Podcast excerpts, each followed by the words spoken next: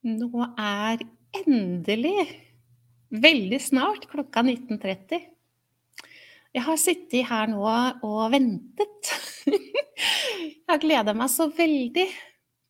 Så jeg har, jeg har, rett og slett sittet her og ventet i noen minutter på at klokken skulle bli mange nok, og så klarte jeg ikke å vente helt til 1930. Men i alle fall, alt er klart for um, ja, i hvert fall så, så, langt jeg kan gjøre det, da, ved å invitere deg til å bli med på denne gratis workshop. Og det her er da først av fjerde fire sendinger.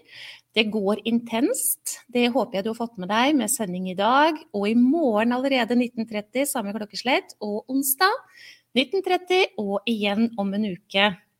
1930. Herlig at du er med, Marte. Jeg kan se at det er deg, selv om jeg ikke har brillene på. kan du bare bekrefte for meg at lyd og bilde er OK, Marte, så vet jeg det. Um, det er alltid greit å vite, så jeg slipper å sitte her og lure på om ting fungerer. Så var det det med de brillene da, lyd og bilde er bra, sier du, Marte. Tusen takk.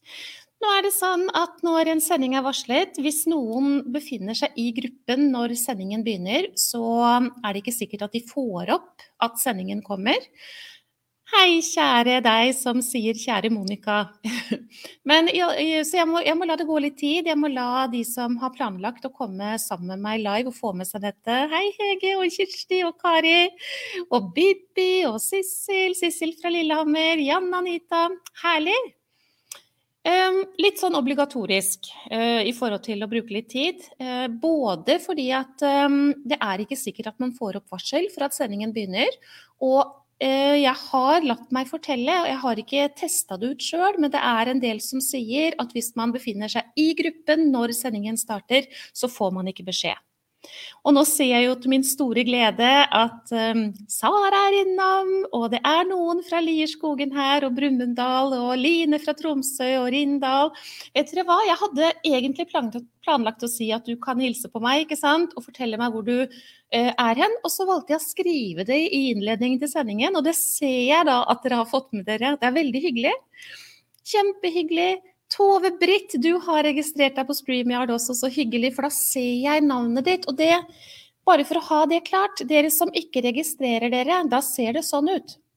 Og det er hyggelig at du hilser på meg, og du må heller ikke registrere deg, men når sendingen går direkte, så må denne registreringa ha vært på den tjenesten jeg bruker, altså StreamYard, for at jeg skal kunne se navnet ditt. Sånn som for eksempel Tove-Britt har gjort. så vet dere det.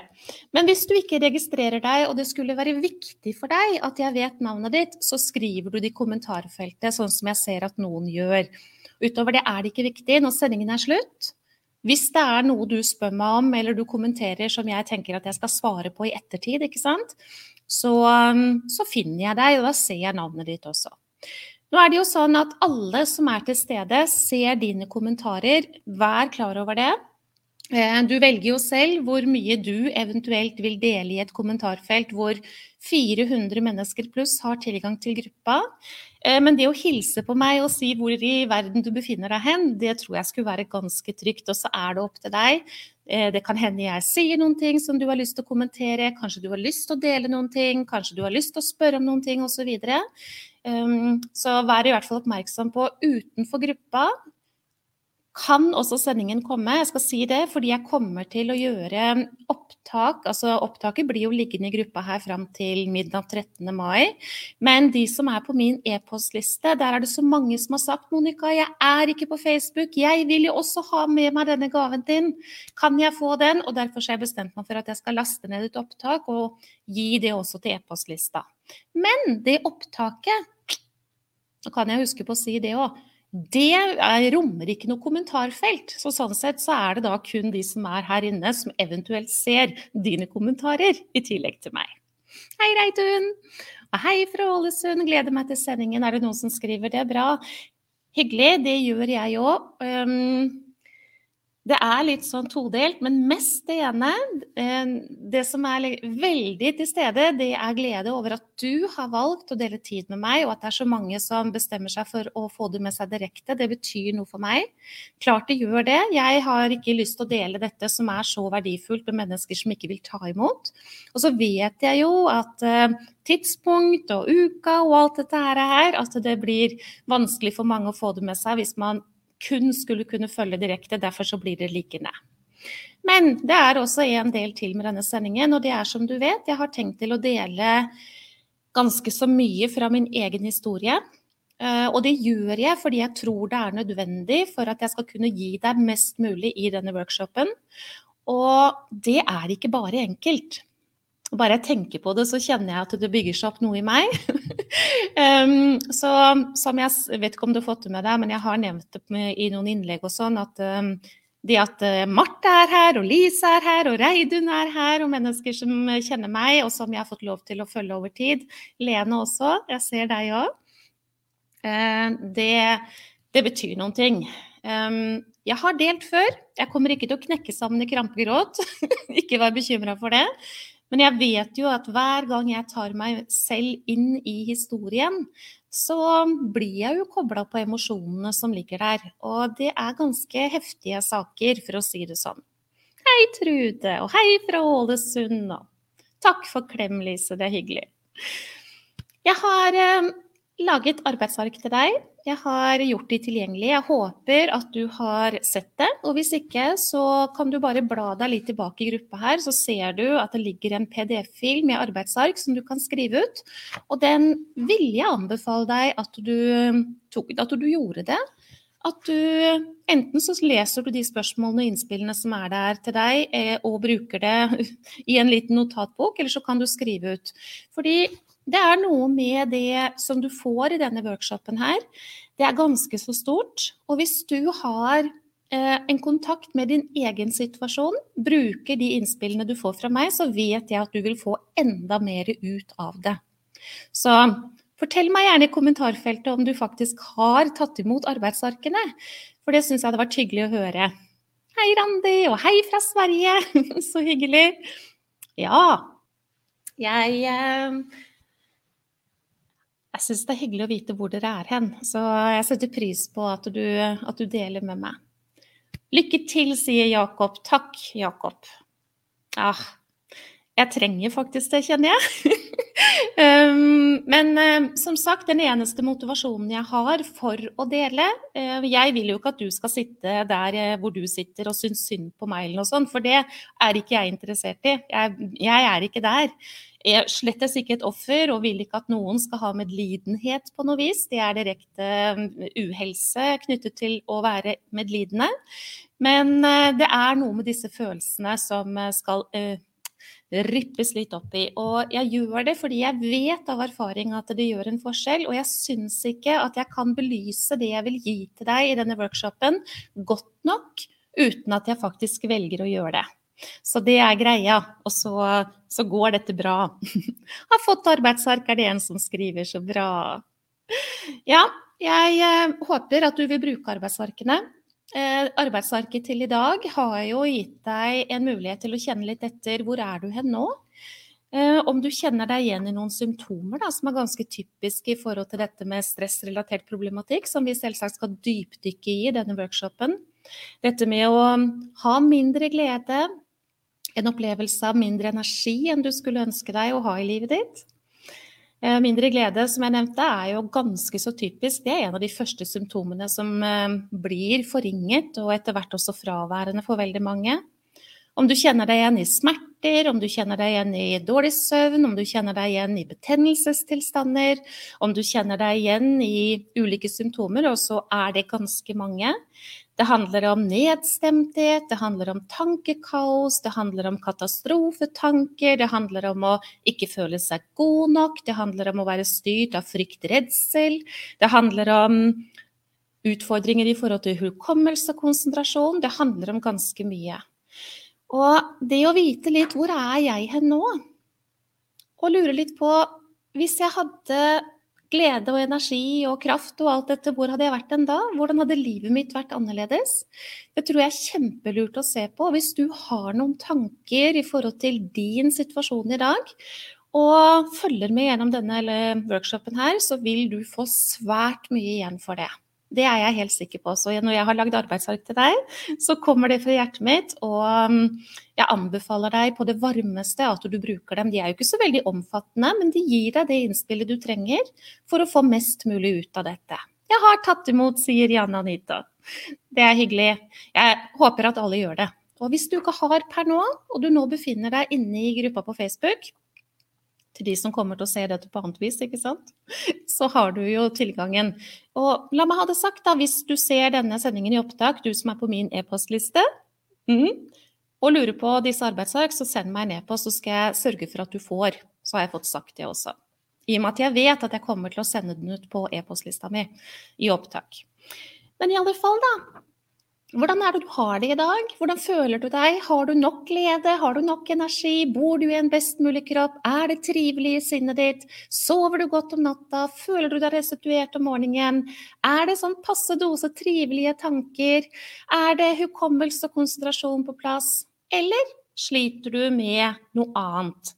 Sliter du med noe av det som jeg nevnte nå i stad, med betennelser og smerter og utfordringer med søvn og tappa energi og mindre glede og alt dette her? Så gjør deg en liten status. Og så kan du jo tenke litt på, som jeg skriver til deg òg, hvordan vil du det skal være å være deg da? Hvordan vil du ha det egentlig? Hva er det du mangler i dag i forhold til det som jeg snakker om nå, disse symptomene, som, eh, som ville vært fantastisk for deg om du ikke hadde? Hvordan hadde det vært annerledes da?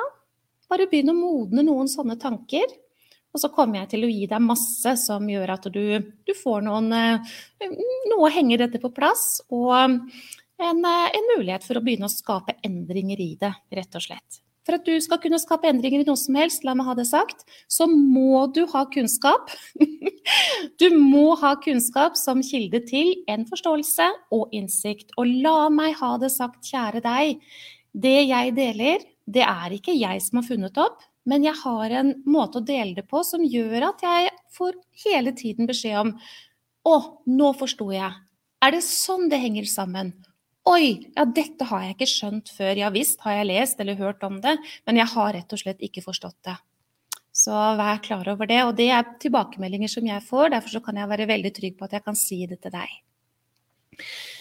Ok, denne workshopen her er ikke for mennesker som har bestemt seg for at ikke de kan ha det på en annen måte. Det betyr jo, hvis man er på et sted i dag hvor ikke kroppen er best å bo i, og kaos befinner seg i toppetasjen, og man har bestemt seg for Jeg har prøvd alt. Absolutt alt har jeg forsøkt. Jeg har famlet rundt i evigheter. Jeg har stadig behandlingstimer. Det blir ikke på en annen måte og man egentlig har bestemt seg for jeg kan ikke få det annerledes, så har du egentlig et dårlig utgangspunkt i forhold til denne workshopen. Da har jeg lyst til å si til deg 1. la være å ta den med deg. 2. åpne opp for muligheten for at din forestilling og overbevisning faktisk ikke er sann. Eh, og allerede i dag så kommer jeg til å dele en bekreftelse på det på egne veier. For jeg har prøvd alt og det hjalp ikke så fryktelig mye. Jeg kom ikke dit jeg ønsket av det. Så vær litt oppmerksom på den fella der. Jeg har forsøkt alt, det kan ikke bli på en annen måte.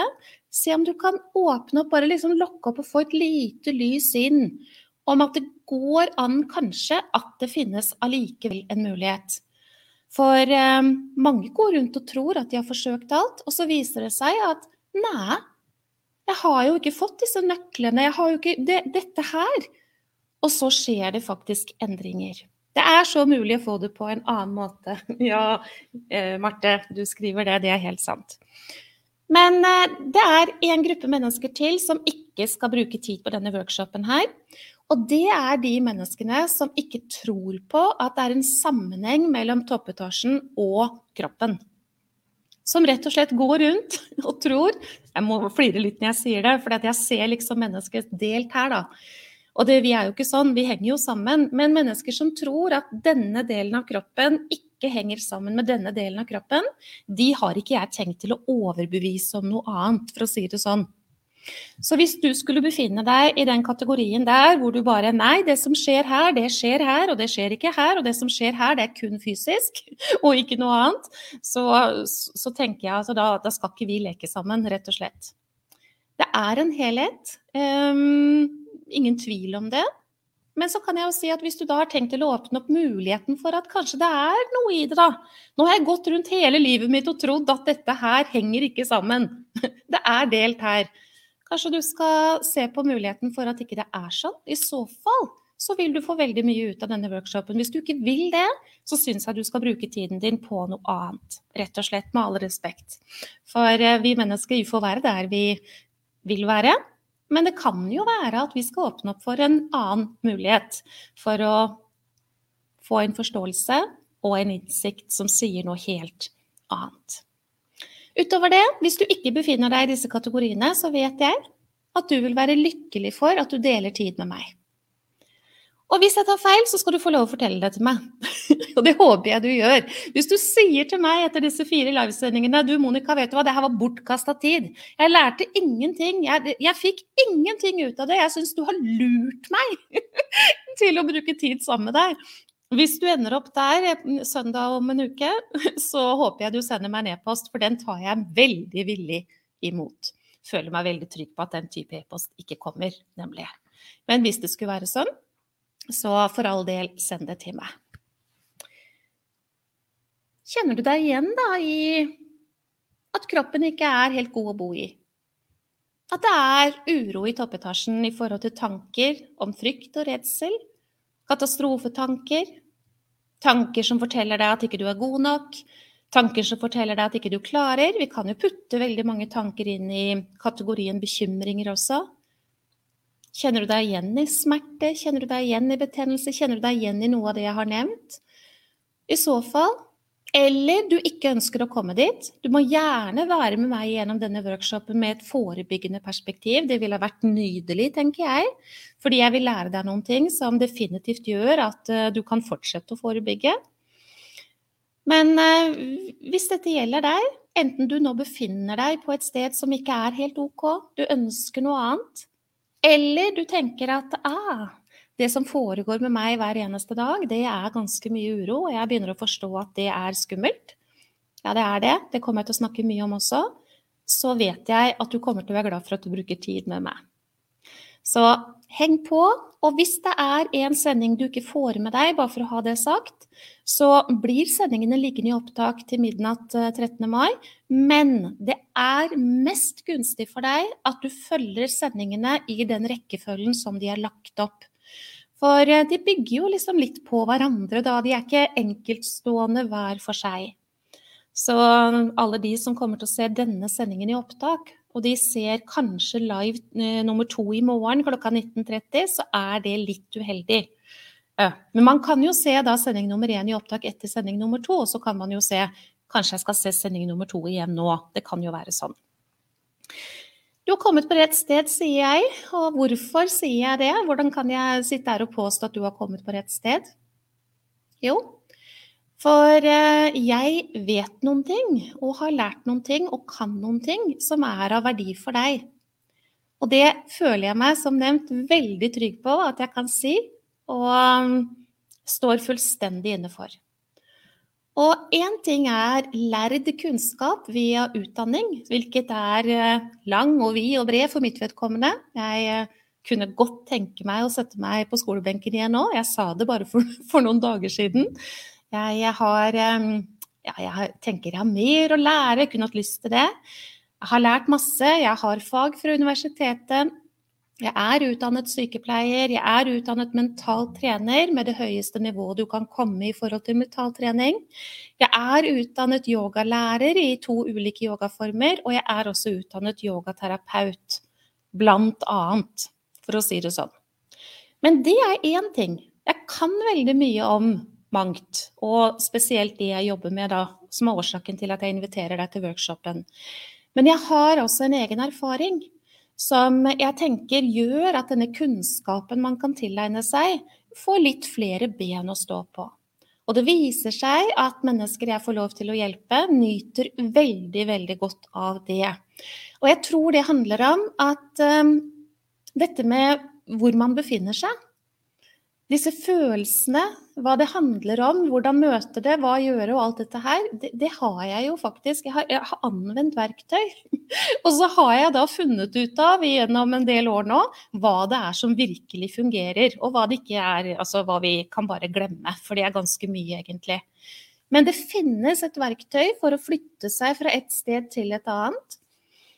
Og det verktøyet som jeg byr på, det er det ingen andre mennesker som kan by på. Og hvis det finnes noen av dere som er inne nå, jeg deler eh, tid denne søndagen med 78 akkurat nå.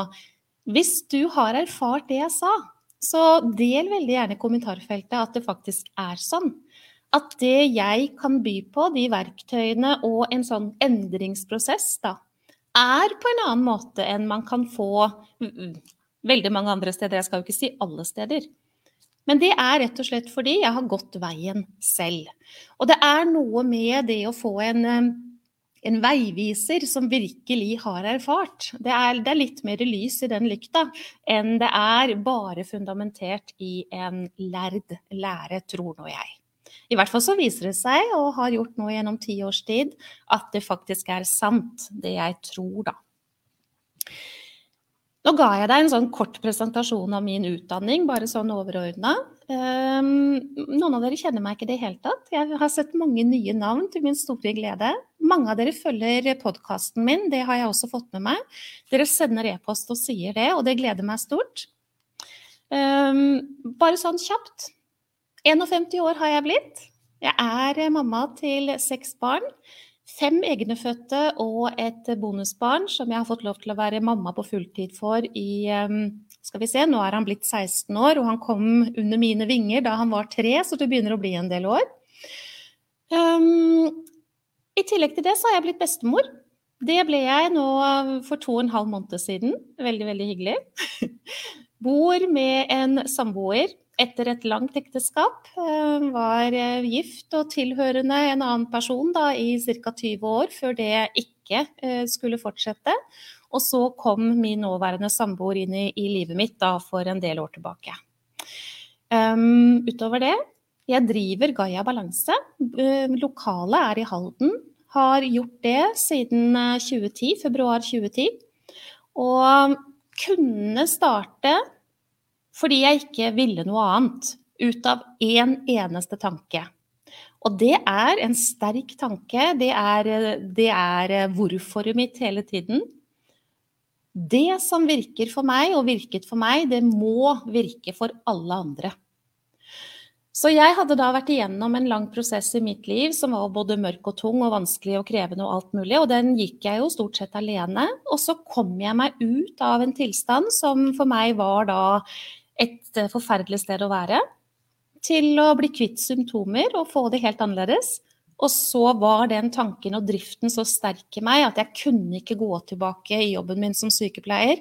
Jeg måtte starte eget med to tomme hender og ingen penger på bankkontoen. Det er faktisk sannheten. Så gjorde jeg det. Tok en sjanse fordi jeg ikke kunne gjøre annet. Og det begynner å bli nå ganske mange år siden, da. Um, og erfaringen gjennom disse årene er rett og slett fantastisk. Uh, jeg har fått lov å hjelpe tusenvis av mennesker fra uhelse til helse, enkelt sagt. Fra uro til ro, fra tankekjør til ikke, fra smerter til ikke, fra diverse diagnoser til å ikke uh, ha noen symptomer som skulle tilsi de diagnosene. Og det er min store glede. Denne workshopen heter Fire steg til indre ro. Og det er kun fire steg til indre ro, egentlig. Men så er det så mye mer å snakke om, og derfor så er det også disse fire sendingene som jeg byr på nå. Um,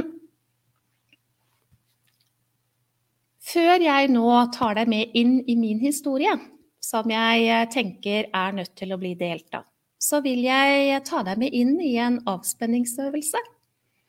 For eh, det første steget det er faktisk å kunne få skrudd av stresset. Få trykket på bremsen i nervesystemet, eh, hvilket er helt avgjørende for helse. Og måter å gjøre det på finnes jo. Og det å praktisere avspenningsøvelser, de er én metode um, av mange.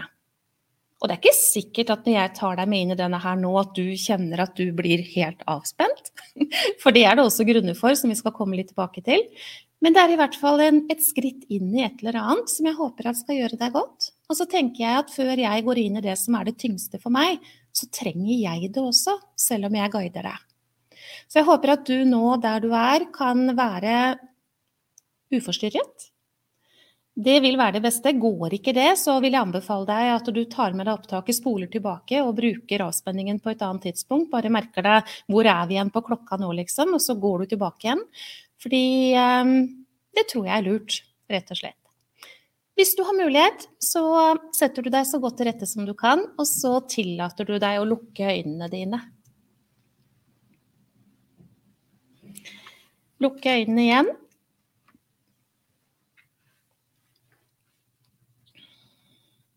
så ber jeg deg om å legge merke til hvor du har eh, tunga di hen. Og hvis eh, tungen din er oppi ganen, så betyr det at du har et stresspåslag. At det er uro gående i kroppen din. Den delen av nervesystemet som står for uro, lager stress, er aktivert. Så det er veldig lurt for deg at du bare slipper tungen din og legger den ned i munnen.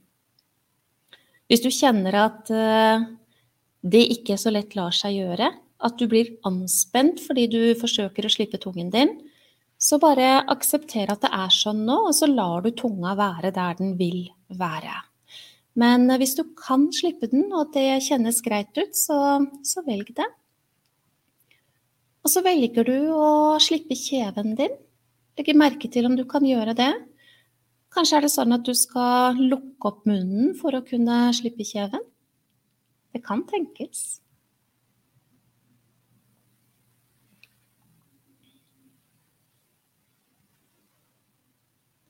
Nå vil jeg at du skal koble pusten din på en skulderbevegelse. Så du puster inn og trekker skuldrene frem og opp. Og så puster du ut og skyver tilbake og ned. Trekker frem og opp på innpust. Så skyver du tilbake og ned på utpust. En gang til. Trekker frem og opp på innpust. Og skyver tilbake og ned på utpust. Og så lar du bare skuldrene være i fred, og så trekker du et bevisst pust inn. Puster godt ut.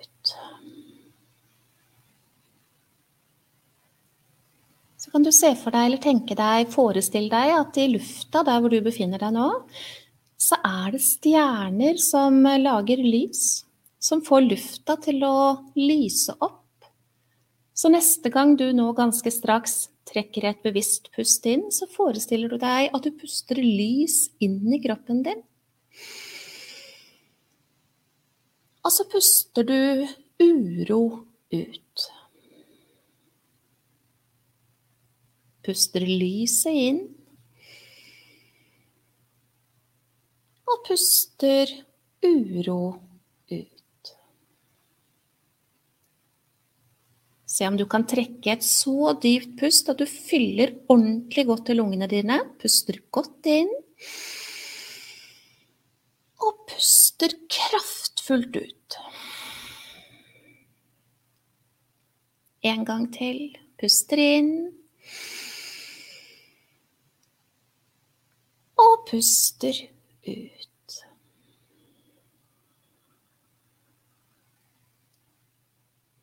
Du holder øynene dine lukket. Bare forestiller deg, tenker deg, ser du for deg at over hodet ditt nå så er det en stor og deilig sol. Og denne solen, den varmer ned i hodebunnen din. Forestill deg at det er varmt i hodebunnen din. At solen varmer skuldrene dine at du kan kjenne solen i ansiktet ditt. Videre nedover brystet ditt. At solen varmer magen. Varmer lårene dine. Varmer knær og legger og føtter. Tillat deg å forestille deg at du er varm i hele kroppen. Og så puster du godt inn.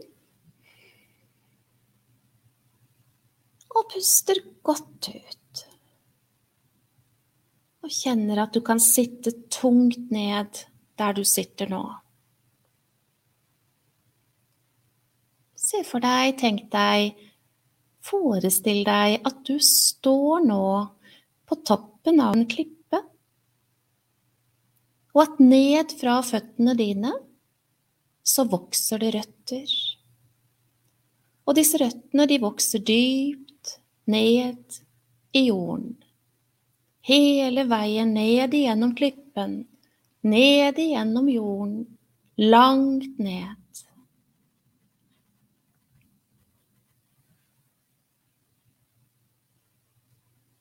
Det blåser en eh, kraftfull vind nå Og denne vinden, den røsker tak i deg der du står på toppen av klippen. Men du, du står helt støtt i røttene dine. Du står helt støtt i din egen kjærlighet.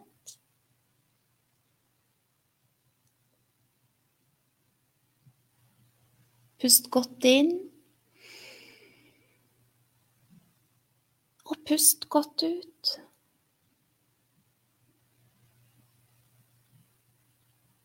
Si til deg selv, inni deg selv akkurat nå Jeg er verdifull.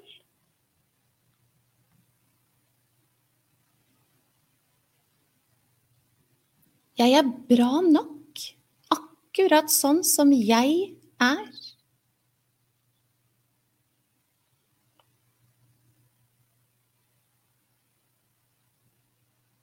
Si til deg selv jeg får lov til å være meg.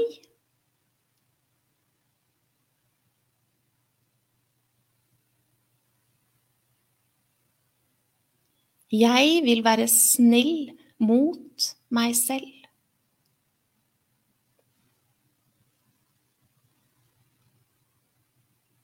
Og si igjen jeg er verdifull.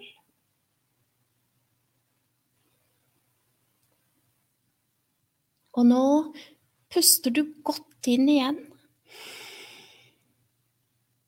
Puster godt ut. Puster inn alt lys. Og puster ut all uro.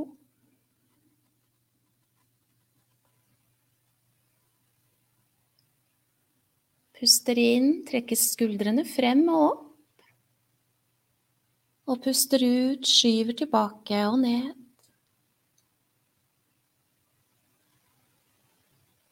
En gang til. Puster inn, frem og opp med skuldrene.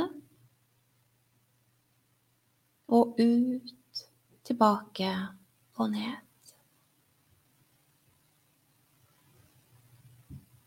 Pust inn. Og pust ut. Og før du lukker opp øynene og kommer tilbake igjen til meg, så bare legg merke til deg selv. Legg merke til kroppen og sinnet ditt. Legg merke til dette er meg, akkurat nå.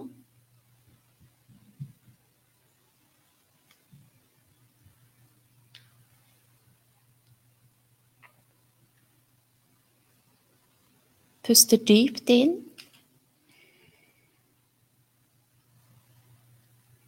Og puster ut.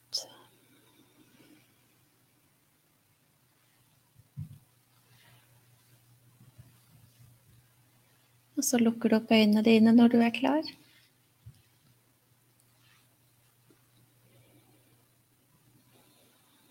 Og da er jeg klar. Og selv om jeg satt her nå og vi visste jo at det var mange som lyttet, så blir jeg helt rolig så fort jeg minner meg selv om sannheten, om at jeg er verdifull, og at jeg er god nok, at jeg ikke har kommet hit til verden for å bevise noen ting, at jeg bare er. Og jeg kan fortelle deg at det jeg sier til deg nå, det var ikke tilstedeværende i mitt liv i svært mange år. Men det har blitt en sannhet, hvilket egentlig alltid har vært. I februar 2010 så forandret mitt liv seg. Den gangen inn i en forferdelig periode. Et mørke fylt av smerter av håpløshet, av angst, av diverse symptomer som høyt blodtrykk, energiløshet, søvnutfordringer. Det var en tidlig morgen, natt til mandag, ca. klokken fem. Jeg hadde vært på vakt som sykepleier den helgen jeg jobbet en 100% fast stilling i kommunen her i Halden. Jeg jobbet på en avdeling hvor det var langtids eh, sykehjemspasienter og også senger for de som skulle dø. Palliasjon. Og i tillegg til det så jobbet jeg ekstra på sykehuset i Østfold med kreftpasienter. Og det var de pasientene som jeg virkelig brant for. Og jeg følte at jeg gjorde en veldig god jobb. Jeg vet at jeg gjorde det.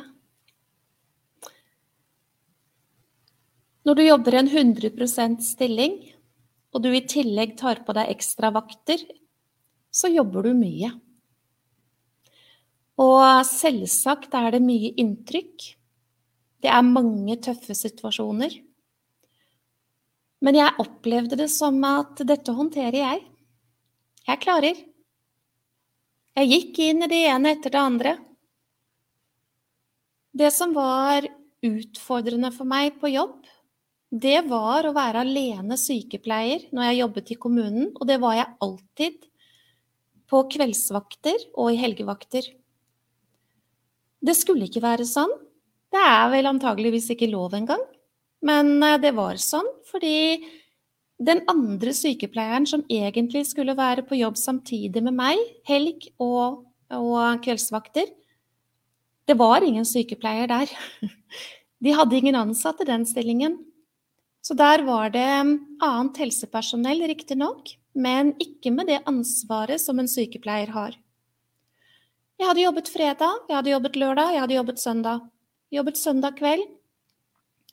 Og visste jo at jeg skulle på tidligvakt mandag morgen klokken syv. Var hjemme 22.30 eller noe sånt før. Og når man går av en vakt som sykepleier, det er sikkert mange som kjenner seg igjen i når man jobber turnus, så kan man ikke bare vrenge av seg tøyet, pusse tenner og gå i seng. Det går ikke. Man er nødt til å lande litt. Så jeg var sent til seng, men eh, Nok en natt med dårlig søvn, det hadde jeg hatt lenge. I ganske så lang tid så opplevde jeg at jeg hadde avbrutt søvn.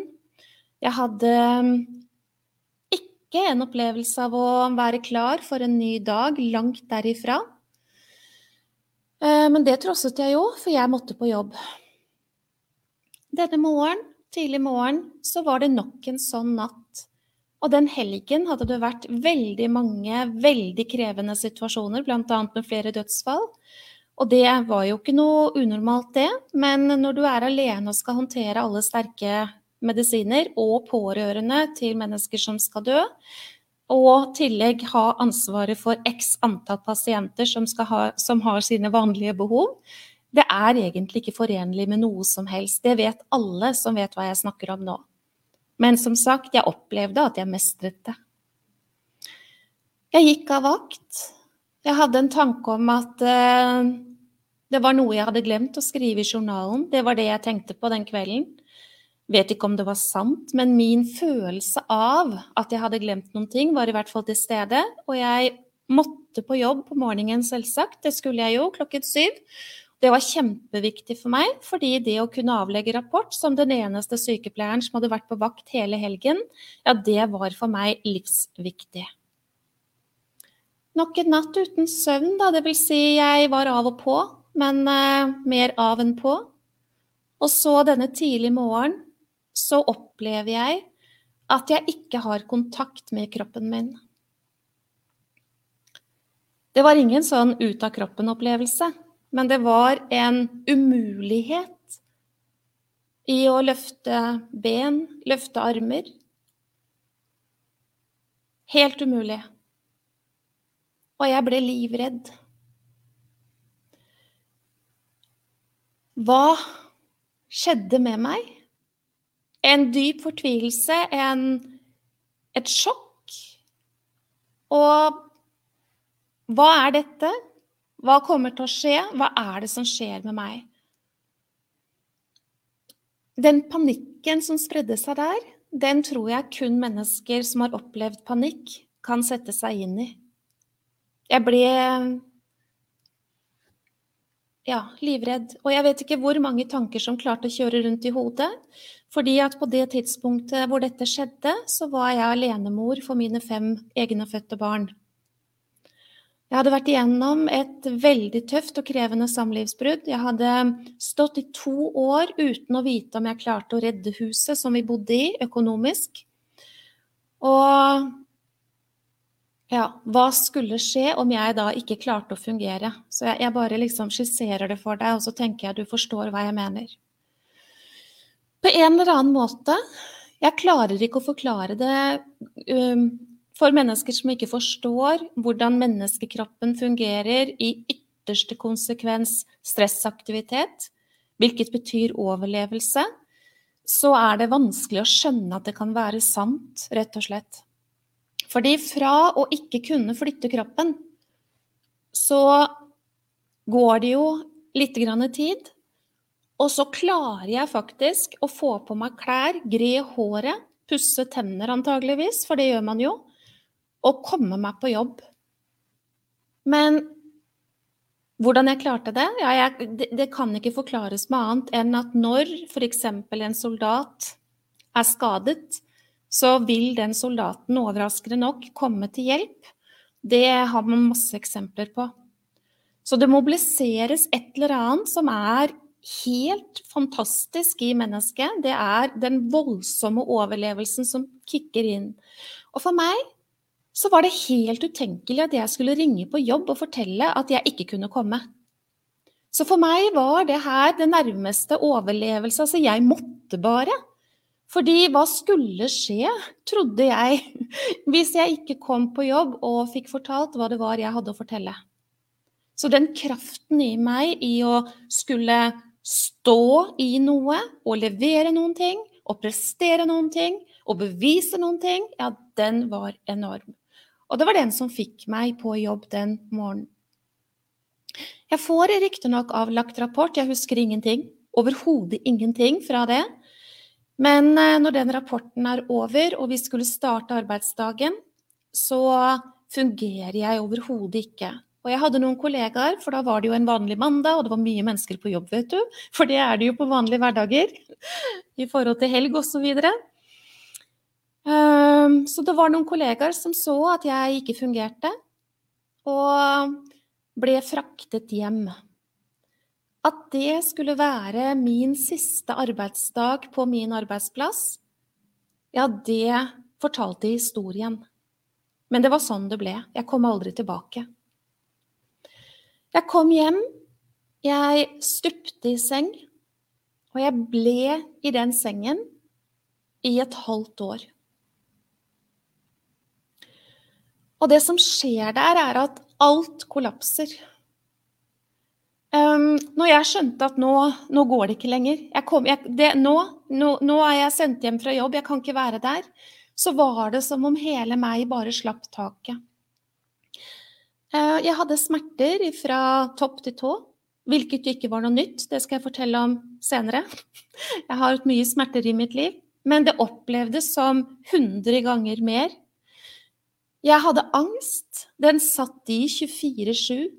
Det var ingen pauser. Jeg hadde en håpløshet i tanke. Det var kun katastrofe. Frykt og redsel. Jeg hadde ingen energi. Det var ikke mulig eh, å fungere overhodet i det hele tatt. Altså, jeg kom ikke ut av senga.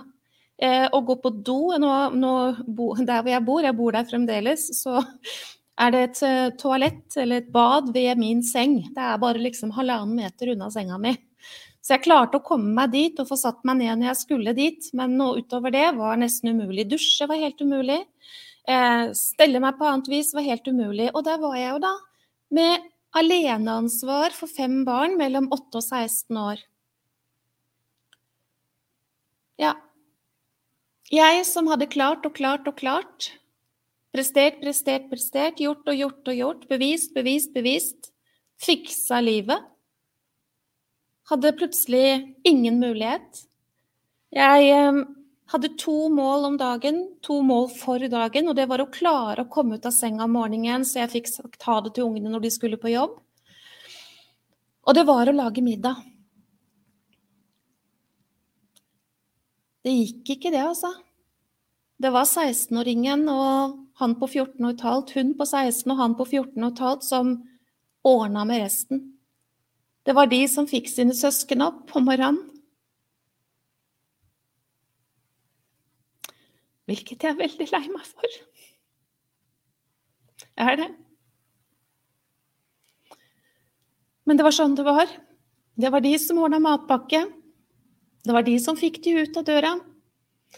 Og det var stort sett en mamma som sovna ved grytene når hun prøvde å lage mat.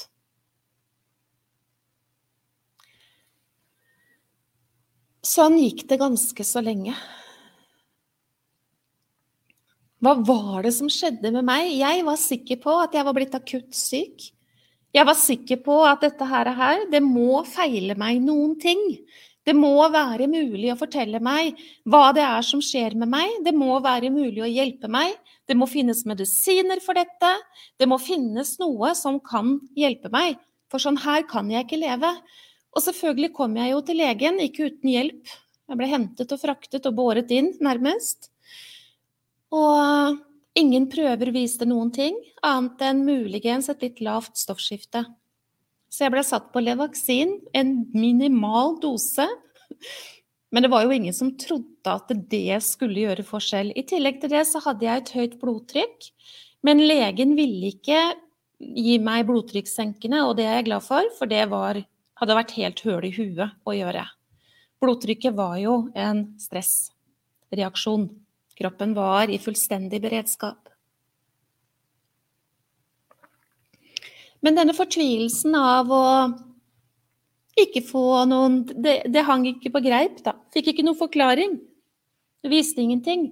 Jeg hadde angst, ja visst, jeg fikk masse diagnoser. Jeg hadde smertesyndrom, ja visst, jeg hadde smerter i hele kroppen. Jeg hadde jo depresjon, eller det vil si Ja, hadde nok det. Ehm, jeg hadde jo alle symptomer på gud vet hva. Men ehm, hva skulle man gjøre med dette?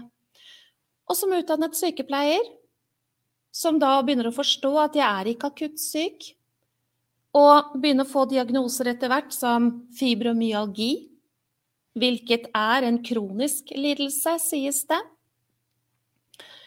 Da begynte jeg å skjønne at eh, sånn som jeg har det nå, skal jeg ha det for resten av mitt liv. Og der var jeg ganske lenge. Veldig. Altså, det var helt forferdelig. Nå er jeg jo ikke der lenger. Jeg kom meg ut av dette. Jeg brukte tre år. og jeg fant det som skulle til, og det er derfor jeg så veldig gjerne deler med andre. Fordi jeg vet at det går an. Jeg vet at det går an å komme seg ut av alle disse symptomene ramse opp, ikke sant. Et, et, eksempel, altså et symptom til som var veldig fremtredende for meg, det var i forhold til hukommelse, konsentrasjon. Og det ble så forferdelig for meg, fordi jeg er egentlig et menneske som har lest i hele mitt liv. Jeg elsker egentlig å lese. Og i denne perioden her så ble jeg fratatt muligheten til å lese. Det vil si, jeg kunne åpne en bok der jeg lå og hadde det forferdelig, men jeg leste den samme setningen hele tiden uten å fatte hva det var som sto der. Jeg hadde ikke mulighet til å klare å plassere noe som helst inn i en mening. Det var fullstendig umulig. Og den fortvilelsen av å oppdage det, da, at det er rett og slett ingenting som fungerer, ja, det er eh, Jeg er ikke alene om å oppleve dette, da. Jeg møter mennesker som har den type erfaring. Enten så kraftfullt som jeg snakker om nå, eller noen av symptomene, som er egentlig beskjeder alt sammen. Hvordan kunne jeg komme dit? Jo, jeg var nødt til å begynne å forstå at jeg hadde brutt meg selv ned igjennom alle år. Jeg var 39 når dette skjedde. Akkurat fylt 39 år. Jeg var 39 31. januar, og litt ut i februar så skjedde dette. Ok. Jeg var nødt til å begynne der nå når jeg forteller til deg. Men hvis ikke jeg nå deler noe fra livet mitt, så gir ikke dette her mening. Jeg sier til deg, hvordan kommer man i en sånn situasjon? Hvor det er liksom det verste som skjer her. Hvor alt bare kollapser. Men lenge før det så hadde jo jeg hatt symptomer. Det var bare det at jeg kunne ikke høre på dem. Og lærte meg til å tenke at sånn her er det å være meg. Smerte, f.eks. Stiv i hele kroppen. Vondt i hodet, vondt overalt. Sove dårlig. Hjertet som bare løper løpsk. Eh, hukommelsesproblematikk, det hadde jeg hatt ganske så lenge. Jeg var sykepleieren med gule lapper. Jeg håndterte jo tung medisin, ikke sant. Jeg var nødt til å vite hva jeg holdt på med, og ofte var jeg, som jeg nevnte for deg, alene på vakt òg. Så jeg drev jo og noterte i en liten bok og på gule lapper, livredd for å gjøre feil. Jeg hadde mange symptomer. Jeg hadde også symptom som er veldig typisk, men jeg nevnte i stad, dette med at glede forsvinner. Jeg kan ikke huske hvor lang tid i forveien det begynte å skje for meg. Det tror jeg var mange år tidligere, for å si det sånn. Og ikke minst en utmattelsesfølelse. Når jeg var kommet hjem fra jobb, hvis jeg jobbet dagvakt, så stupte jeg jo i seng på ettermiddagen. Jeg bare sørga for det mest nødvendige hjemme og måtte hvile. Jeg fungerte ikke ellers. Og så hadde jeg jo da masse krav ikke sant, som jeg satte til meg selv, og som reelt også var der i forhold til ungene. ikke sant? Det måtte jo følges opp. Det måtte jo vaskes hus og klær og mat og alt dette her måtte jo være i orden, selvfølgelig. Nå var jeg det mennesket som dro det vel langt, da, for jeg trodde det måtte være sånn, sånn, sånn, sånn, sånn, sånn, sånn, og det er noe av problemet her. Men i alle fall noe er man jo nødt til å holde det gående med. Og jeg var rå på det der. Det startet ikke med kollapsen. Det starta mange år tidligere, faktisk hele 39 år tidligere. Og da må jeg ta deg tilbake til da jeg var et lite barn. Fordi det går ikke an å komme i en tilstand med disse symptomene, enten det kun er smerter i kroppen, eller kun er opplevelse av mangel på energi, eller kun er angst. Det går ikke an å starte der. Det, ikke, det kommer ikke ut av det blå noen ting av det der. Det er rett og slett livet vårt. Det er det vi opplever og erfarer, det vi ikke kvitter oss med. Det er de følelsene vi ikke setter ord på. Det er, det er veldig mye. For hvor blir det av? Jo, det blir av i oss, og det bryter oss ned. Jeg forsto ikke det der. Det gjør jeg jo veldig i dag, da, for å si det sånn. Men den gangen forsto jeg det ikke i det hele tatt. Jeg er eh, oppvokst i en dysfunksjonell familie. Utad tror jeg nok det så ganske greit ut, med en arbeidende pappa og en hjemmeværende mamma. Jeg er født i januar 71. Oppvokst eh, sammen med to søstre. Jeg er yngst. De søstrene mine er 3,5 og 4,5 år eldre enn meg. Vi bodde i tiende etasje i en høyblokk i eh, Oslo. Og det gjorde veldig mange andre også. Og der bodde vi, i vår leilighet. Og i denne leiligheten var det fyll, fest og spetakkel.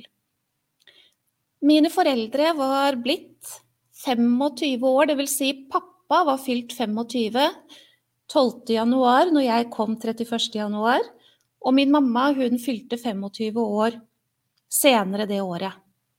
To unge mennesker som fikk barn nummer tre. Min pappa han eh, reiste til sjøs da han var 17 år.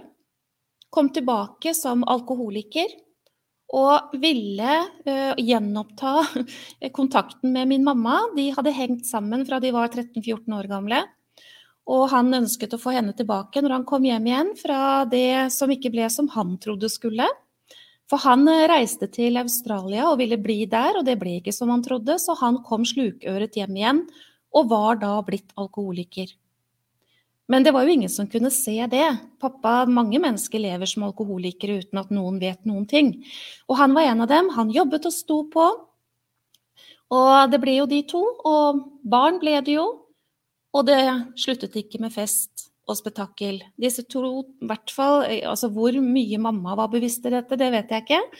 Men i alle fall så var det slik at i denne leiligheten i tiende etasje i den høyblokka, så vokste det opp tre jenter under ikke heldige kår.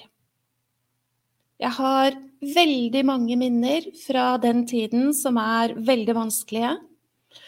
Og det som tar meg mest, og som kommer alltid når jeg går inn i dette her, og som er til stede i meg nå når jeg deler, det er å um, ha et rom som var et kott. Det var et kott. Det var et kleskott du kom inn av eh, inngangsdøren til leiligheten, og så var det en dør med en gang der, til høyre. Og der var det vel én ganger to meter, antageligvis. Innerst i rommet så var det en klesstang med en hylle over, og på gulvet der så var det en madrass, og det var mitt rom. Det var ingen vinduer. Og rommet var jo helt ved inngangsdøren. Der bodde jeg. Så jeg opplevde jo alle mennesker som kom og gikk. Jeg opplevde alle stemmer, og det var mye musikk. Kan, altså, pappa var veldig glad i Elvis Presley. Så spill Elvis. Jeg kan alle sangene. Hvilket ikke er naturlig for uh, født i 71. Men jeg kan alle sangene. Og jeg kan litt mer òg. Det er ganske morsomt. Men det jeg fant ut av da, det var jo det at når jeg lå der og ropte, så var det ingen som hørte. Fordi døren til stua var lukket igjen. Og når de gikk inn og ut, så var det høye stemmer og sånne ting. Men det hendte jo av og til at det var noen som hørte. Og da ble døren lukket opp til der hvor jeg var, og så fikk jeg beskjed om å tie stille. Så det jeg fant ut av etter hvert, det var at uh, jeg kunne trøste meg selv, og det gjorde jeg ved å synge. Og det er veldig sterkt for meg. For jeg ser for meg den lille jenta som ligger der og synger og vugger i håp om å falle til ro. Men sånn var det. Og 72 leiligheter i denne blokka. Jeg aner ikke hvem det kan ha vært som visste hva som foregikk. Har ikke peiling. Det må nok ha vært noen, tenker jeg. Men på den tiden var det jo ingen som snakket om dette. Mamma hadde Stadig store solbriller, for hun ble slått. Og ganske så heftig. Ehm, det var mishandling, og det var mye som foregikk. Jeg tror ikke jeg trenger å si mer om det.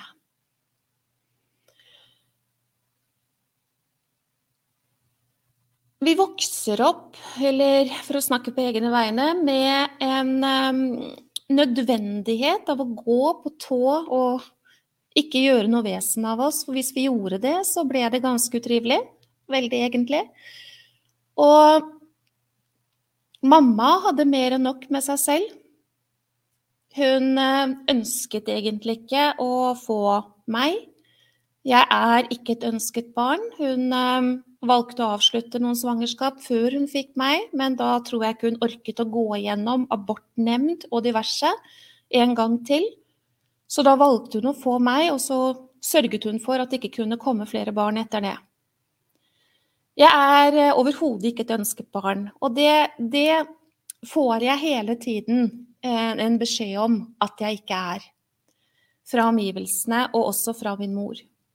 Jeg har ikke et eneste minne om å få kjærlighet, bli ivaretatt, um, fra min mor. Jeg har ett minne fra min far, eller vil si to.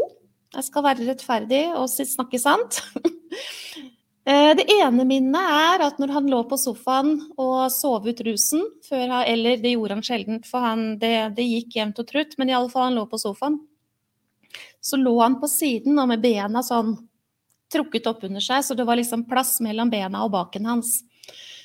Og der kunne jeg av og til krabbe opp og sette meg helt stille. Og det var for meg en følelse av trygghet. Når han sov, det kunne ikke bli noe spetakkel, alt var rolig, og jeg fikk lov til å sitte der. Han jaget meg ikke bort, det er ikke sikkert han vet at jeg satt der engang, men i alle fall for meg så var det en kilde til trygghet, og også, som jeg kan huske det, kjenne det i meg, at jeg fikk kjærlighet på den måten. Jeg ble ikke jaget vekk. Og så er det et minne til, og det handler om en biltur. Eh, vi har kjørt mye bil, og det må ha vært mye i eh, ruspåvirka tilstand. Jeg har en del eksempler der òg som jeg ikke trenger å gå inn i. Men iallfall så var det en gang hvor vi tre jentene i baksetet begynte å synge. Og da sa pappa at uh, mine søstre skulle tie stille, men jeg kunne få lov til å synge. Og det ble kjærlighet for mitt vedkommende. Som barn så utvikler jeg eksem.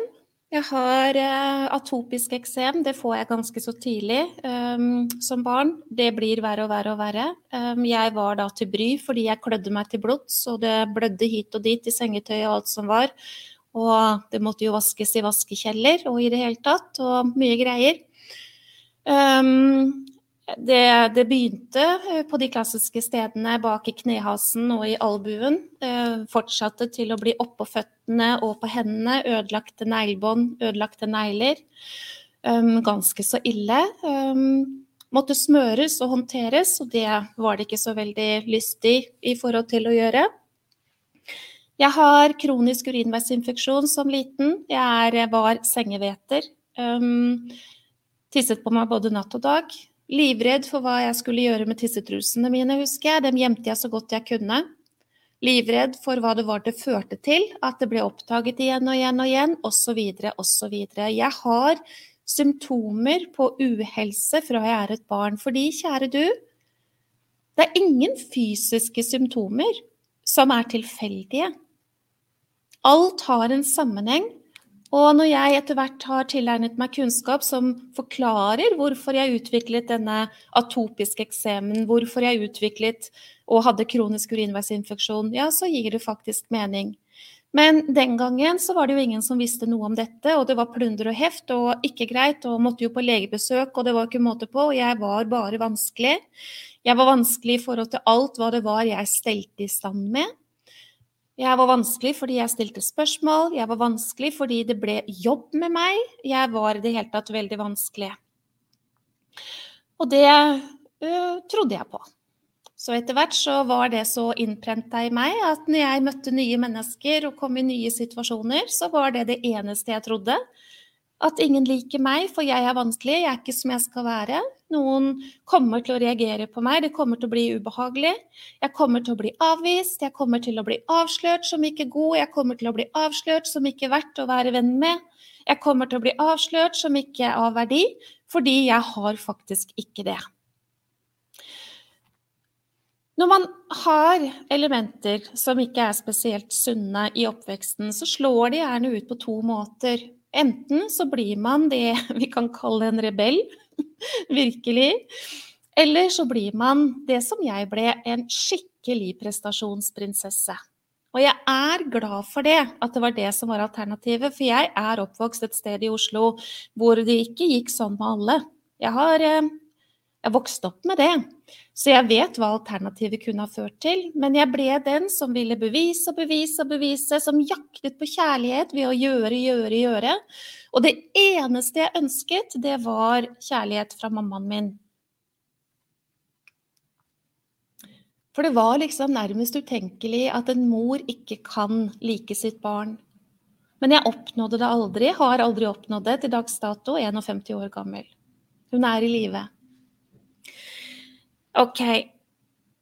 Denne flinke piken ble jeg skapt. Da jeg var eh, ni år gammel, så bestemmer pappa seg for at han vil flytte fra mamma. Han eh, innleder eh, lenge før det, tror jeg. For det var ganske tydelig. Han begynner å bli borte hjemmefra, kommer ikke hjem på natta, kommer ikke hjem fra jobb. Kommer, ja, jeg merker jo det. Um, for jeg fikk jo litt kjærlighet av pappa, disse to historiene, vet du.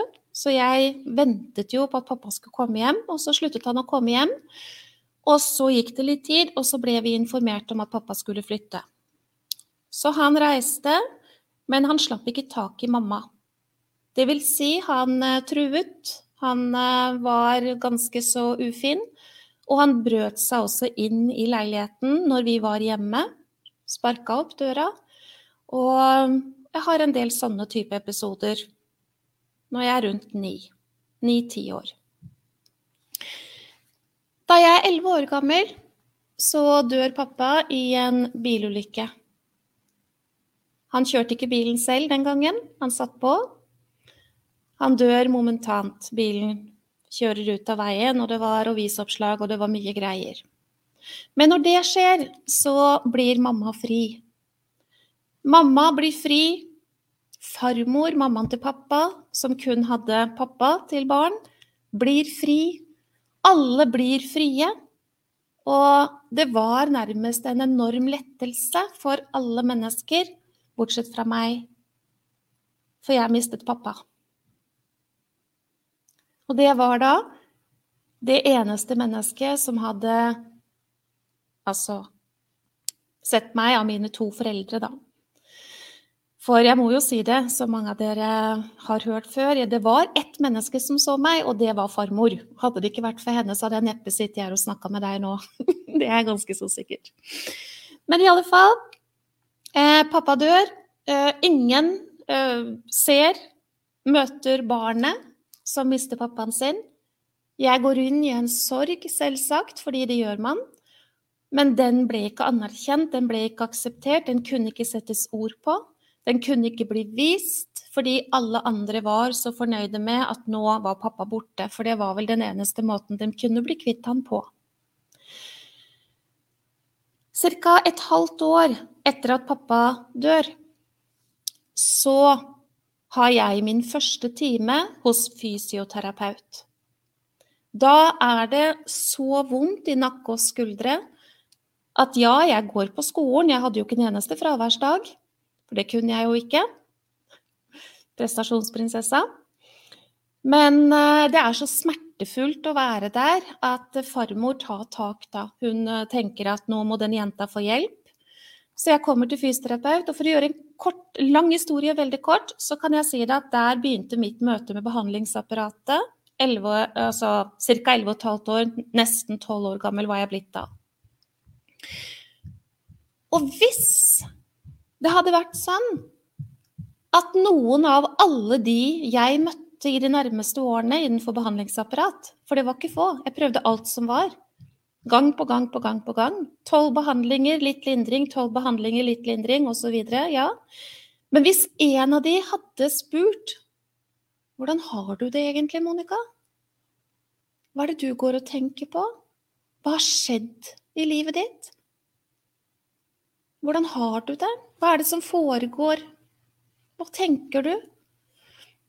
Hvis én hadde gjort det og tatt tak i det, så hadde neppe historien blitt slik jeg delte den med deg i februar 2010, 39 år gammel.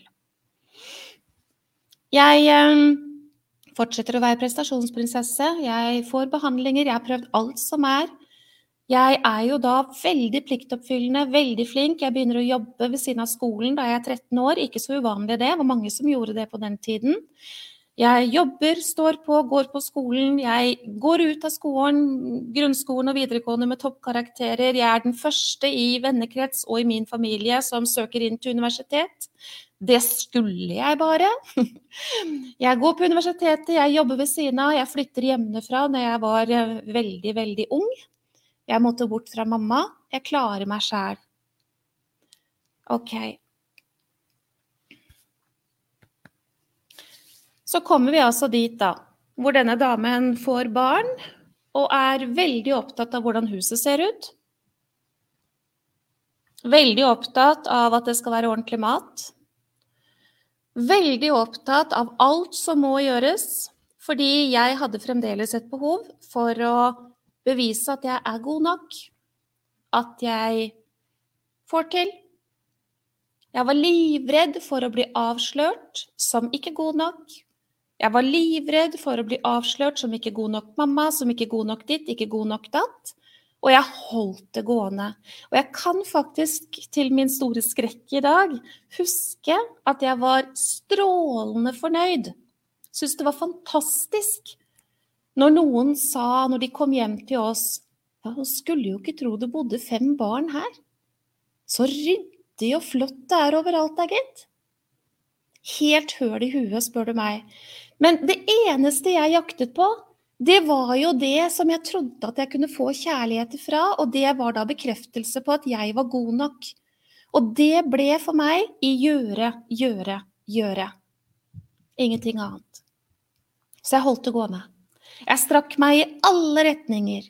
Jeg var livredd hele tiden. Måtte ditt, måtte datt, måtte sånn, skulle sånn, burde det, må gjøre, vil. Altså, hvor var det? Mine behov, de var jo ikke ivaretatt i det hele tatt. Jeg holder det gående, jeg holder det gående, jeg holder det gående, jeg holder det gående. Jeg har smerter, jeg har depressive perioder, jeg har perioder med angst, jeg sover dårlig, men jeg hadde hele tiden en forklaring på hvorfor.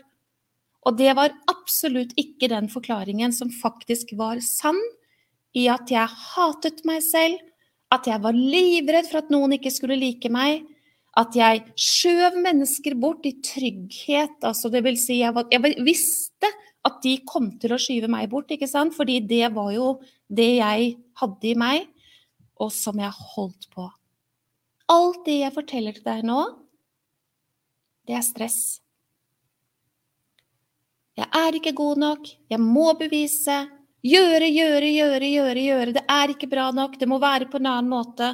Kontroll. Hjelp! Jeg hadde kontroll på alt. Noe annet var livsfarlig for meg. Virkelig livsfarlig.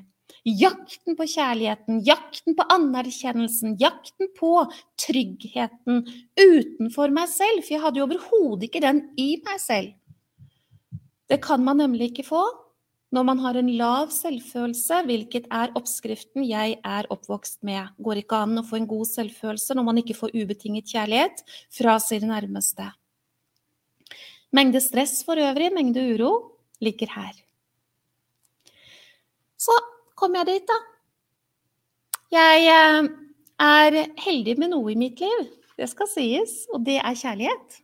Jeg møtte en mann som jeg da fikk mine fem barn sammen med. En fantastisk mann, det var helt riktig for meg. Og vi hadde veldig mange gode år, inntil det skjedde noen ting som gjorde at eh, det gikk ikke lenger. Og det var en stor, stor sorg. Helt forferdelig å gå igjennom, og antageligvis var det det og de to påfølgende årene, sånn som jeg nevnte i stad, ved å skulle redde hjemmet til barna mine, klare det alene, fullt og helt. Det, når det skjedde, så kom kollapsen. Det er også et, eh, et poeng her. Og så har jeg jo da vært så heldig at jeg møtte denne nye mannen, da. Som eh, jeg vil si igjen, eh, jeg er fantastisk heldig med kjærlighet. Det, det har fungert. Men eh, ikke så mye annet i mitt liv som har vært så veldig bra, for å si det sånn. Ok. 39 år, det går ikke lenger. Og jeg skjønner ikke hva det er som har skjedd. Jeg lette etter akutt syk, det er ikke det. Kronisk syk, ja vel, da skal jeg ha det sånn for bestandig. Svaret på det er Nei. Jeg har ingen symptomer igjen fra dette i mitt liv. Jeg har ingen smerter, jeg har ingen dårlig søvn, jeg har ingen mangel på energi, jeg har ingen mangel på glede. Det vil si, når det er litt mye innimellom, så kan jeg kjenne at oh, nå må jeg jobbe litt med det. Men balansen i helheten her, den er på en helt annen måte. Og hvis du har fått med deg den, disse overskriftene om fire steg til indre ro, så er en av de stegene det er å bli sin egen beste venn. Hvilket man er helt nødt til å ta på alvor. Jeg ble veldig syk, men jeg trodde jo ikke at jeg var blitt stressyk. Det var jeg. Langvarig negativt stress var det jeg hadde hatt, og antageligvis fra da jeg lå i mors mage. Fordi fosteret, når det er i magen til mor, tar imot hvordan mamma har det. Og min mamma hadde ikke et godt svangerskap, hun bar på et barn hun ikke ville ha, og hun var i et ekteskap som var helt forferdelig å være i, osv., osv. Hva er stress? Å ha mye å gjøre? Overhodet ikke. Ikke med mindre man tenker om dette mye å gjøre på en slik måte at stresset kommer. Det er tanker. Alt stress starter i tanken. Det er tanker om noe. Hvordan man forholder seg til tanken. Det er bekymringer. Det er mangel på tillit, det er mangel på aksept, det er mangel på tillit til egne ressurser, det er mangel på egenomsorg, det er mangel på tro på egen verdi, det er mangel på tro på at man er god nok. Det er det det egentlig handler om. Og det der, der ja, det fikk jeg dyktig servert. Alt som skulle til for at jeg kom dit hvor jeg hadde altfor mange troer og overbevisninger som hele tiden bare kjørte meg av gårde og til den totale kollapsen. Så når jeg ramsa opp helt i starten av denne sendingen, som jeg ser til min store overraskelse går langt av gårde Skal snart slutte, for i dag så møter jeg deg igjen i morgen. Når jeg hadde da jeg, Altså, disse symptomene, lite glede, mangel på energi, sover dårlig, smerter hit og dit, ulike infeksjonstilstander, magetrøbbel, betennelser, husker ikke, vanskelig å konsentrere seg, katastrofetanker, bekymringer osv., osv. Går du rundt og tror på at dette her ikke har med langvarig stress å gjøre, så håper jeg virkelig at denne workshopen får deg til å tro noe annet. Og når vi skjønner det, at det er sånn det faktisk er, for det skal vi se litt nærmere på også i morgen hva det her det, hva det som gjør med oss rent fysiologisk, altså hvordan dette henger sammen. Fra toppen og til fysiologien i kroppen som gjør at vi etter hvert blir brutt ned da, og får symptomer. Hvis man ikke tror på det, men forholder seg til at den fysiske kroppen den bare er som den er, den. Disse, disse symptomene de bare kommer, og det er kroppen min, ja, da er man på ville veier. Man har forestillinger og overbevisninger som gjør at den fysiske kroppen etter hvert får symptomer, og de kan være ganske så mange. Men det er stress. Én tanke utløser denne overlevelsen som er kroppens stressrespons. Og dette er så utrolig viktig. Tenk deg det, jeg som er utdannet sykepleier, jeg skjønte det ikke, visste det ikke, hadde ikke kontakt med det, og jeg vet av erfaring etterpå, nå i nyere tid, da, at dette gjelder veldig mange mennesker. Så hva er det du tenker når jeg sier hva er stress? Har mye å gjøre. Og det er så mye greier, vet du. Og så skal jeg sånn, og tror du ikke det blir det, og så kommer jeg ikke til å rekke det, og hvordan skal jeg få til det, og sånn. Jo, det kan være det hvis du går og bekymrer deg for om du kommer til å lykkes. Men hvis du tar én ting av gangen og forholder deg til dette som at ok, nå gjør jeg så godt jeg kan, og så får det bli som det blir, liksom, da har du ikke noe stress i alt dette å gjøre. Alt stress starter i tanken. Og i morgen så skal vi starte der. Vi skal starte med denne stressaktiviteten, for den må vi ha med oss for å forstå resten. Og så kommer jeg til å knytte de trådene som i den kunnskapen jeg gir deg i starten i morgen, inn i hva det var jeg delte med deg nå. Hvorfor jeg kom dit jeg kom når det ble altså helt kollaps. Og jeg har lyst til å si det til deg, du må ikke tro at det er kun meg og noen få mennesker som kan kollapse helt. Nei, det er ikke sånn disse symptomene som jeg driver og ramser opp for deg, og flere enn de jeg snakker om også nå, de er budskap på at du er på den veien hvor det kan gå riktig galt. Og avslutningsvis nå, ca. 85% av alle sykdommer er stressrelaterte. Da må vi skjønne hva stress er, vi må skjønne hvordan stresset påvirker kroppen vår. Vi må skjønne disse symptomene, og ikke minst, vi er nødt til å ta noen grep. Og det første grepet, det er, som jeg nevnte for deg i stad, du er nødt til å foreta deg noen ting som gjør at du setter foten på bremsepedalen for stress, så kroppen din kan bedrive et helsefremmende og forebyggende arbeid. Det jeg holdt på med i alle år, var veldig langt unna det. Og vi skal ta opp tråden på dette i morgen. Kjære alle som nå skriver til meg hvor jeg berører. Ja. Jeg håper at du er glad for at jeg delte. Og så vil jeg at du skal ta med deg følgende. Man behøver ikke å ha det på denne måten. Det går an å gjøre noen ting. Det er fire steg, men man er nødt til å ta jobben. Jeg er beviset. Jeg er så overbevist om at jeg aldri kommer til å komme dit igjen. Fordi det går ikke. Endringene som skal til, er skapt i meg, og dermed så går det rett og slett ikke. Så den tryggheten har jeg. Og så har jeg en veldig lidenskap for å formidle dette til andre mennesker. Og jeg legger ofte hendene til hjertet, krysser fingrene mine, for at mennesker tar jobben. Fordi det er nødvendig. Og vet du hva? Det er ingen kvikkfiks. Men det er fullt mulig dersom man faktisk tar jobben. Og da må man jobbe med det som skal til, og det vet jeg heldigvis hva er for noen ting. Jeg hadde bestemt meg før jeg gikk på i dag, altså jeg har gledet meg veldig, som jeg sa, at jeg skulle ha denne sendingen til å bli én time. Jeg velger å skylde på litt akkurat nå at jeg brukte litt ekstra tid innledningsvis. Jeg håper at jeg ser deg i morgen, og jeg setter veldig veldig stor pris på, på, kommentarer i kommentarfeltet. Ser du sendingen i opptak, så legg veldig gjerne en hilsen til meg om at du har sett sendingen, eller hva du vil hilse med. Um, og så håper jeg jo at vi har en date igjen i morgen 1930. Kanskje du rett og slett er nødt til å rydde timeplanen din for å møte meg direkte. Det er noe med å møtes direkte kontra å se i opptak også. Ja. Jeg er klar i morgen. Jeg gleder meg. Ha det.